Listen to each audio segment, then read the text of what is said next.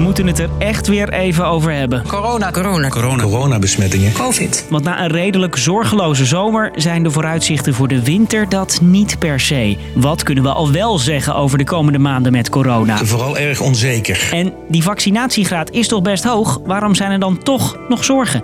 Ik ben Marco en ik leg het je allemaal uit vandaag in een kleine vijf minuten. We werpen een blik op de coronawinter. Lang verhaal kort. Een podcast van NOS op 3 en 3FM. We zien een eh, flinke toename in het aantal besmettingen. Het aantal ziekenhuisopnames zien we ook al wel licht stijgen, maar in veel mindere mate. Afgelopen week waren er bijna de helft meer besmettingen dan de week ervoor, volgens het RIVM. Dat komt door de versoepelingen eind september en door de herfst. Mensen zijn vaker binnen, zitten dichter op elkaar en er gaat niet vaak genoeg een raampje open.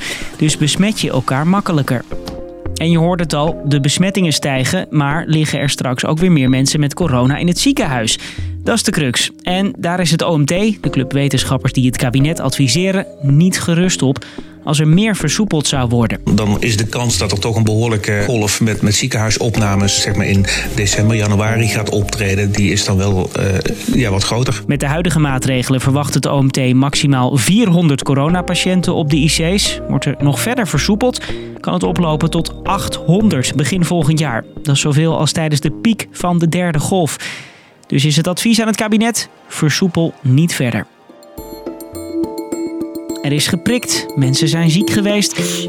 Waarom dan nu toch weer zorgen? Alle maatregelen zijn erop gericht dat de zorg alles aan kan. Maar er spelen drie factoren waar toch zorgen over zijn. Nummer 1. In heel Nederland is 4 op de 5 mensen boven de 12 gevaccineerd. Maar niet overal halen veel mensen een prik. Neem Staphorst. In het strenggelovige dorp op de zogenoemde Bijbelbelt is de vaccinatiegraad laag en de besmettingen stijgen daar hard. De burgemeester legt uit waarom. Een lagere vaccinatiegraad in Staphorst. En aan de andere kant zien we ook uh, dat we hele grote gezinnen hebben in Staphorst. En als er dan een besmetting is, dan gaat het ook allemaal uh, ja, een stuk sneller. Huisartsen daar vrezen dat de zorg overbelast raakt en roepen op om alsnog een vaccin te halen. Maar dat is een ingewikkeld onderwerp in dat dorp. Bent u gevaccineerd?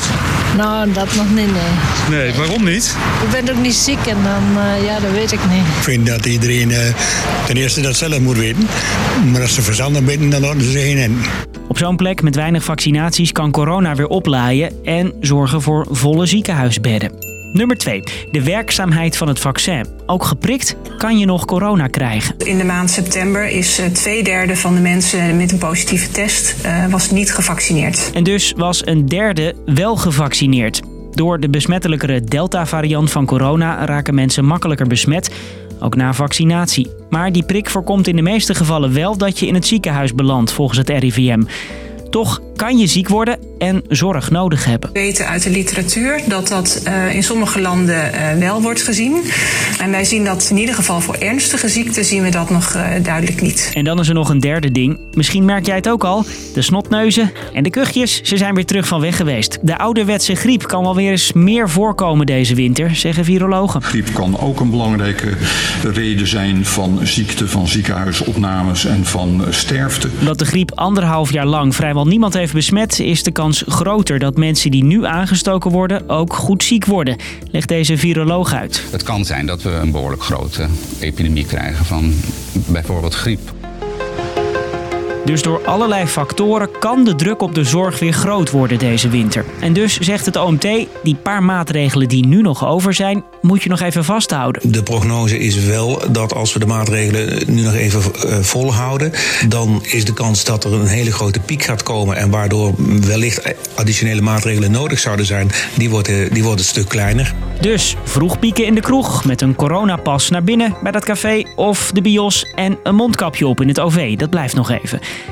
En volgens sommige experts zou het goed zijn om daar nog wat bij te doen op die plekken waar besmettingen flink oplopen, zoals in Staphorst. Als je het risico toch wilt verlagen, gebruik dan een mondkapje uh, of versterk de ventilatie die je hebt. Of, zoals op scholen, uh, zorg dat je twee keer per week een test kan aanbieden. Maar daar ziet de burgemeester in Staphorst niets in. De GGD opent al wel vaker test- en voorlichtingsplekken in besmettingshaarden. Als we deze acties echt goed inzetten en met name ook dat testen, dus dat mensen zich echt laten testen en dan vervolgens thuis blijven, ehm, ook als ze klachten hebben, dan zien we dat het wel werkt. Het OMT kijkt eind deze maand opnieuw naar de cijfers en dan vooral in de ziekenhuizen.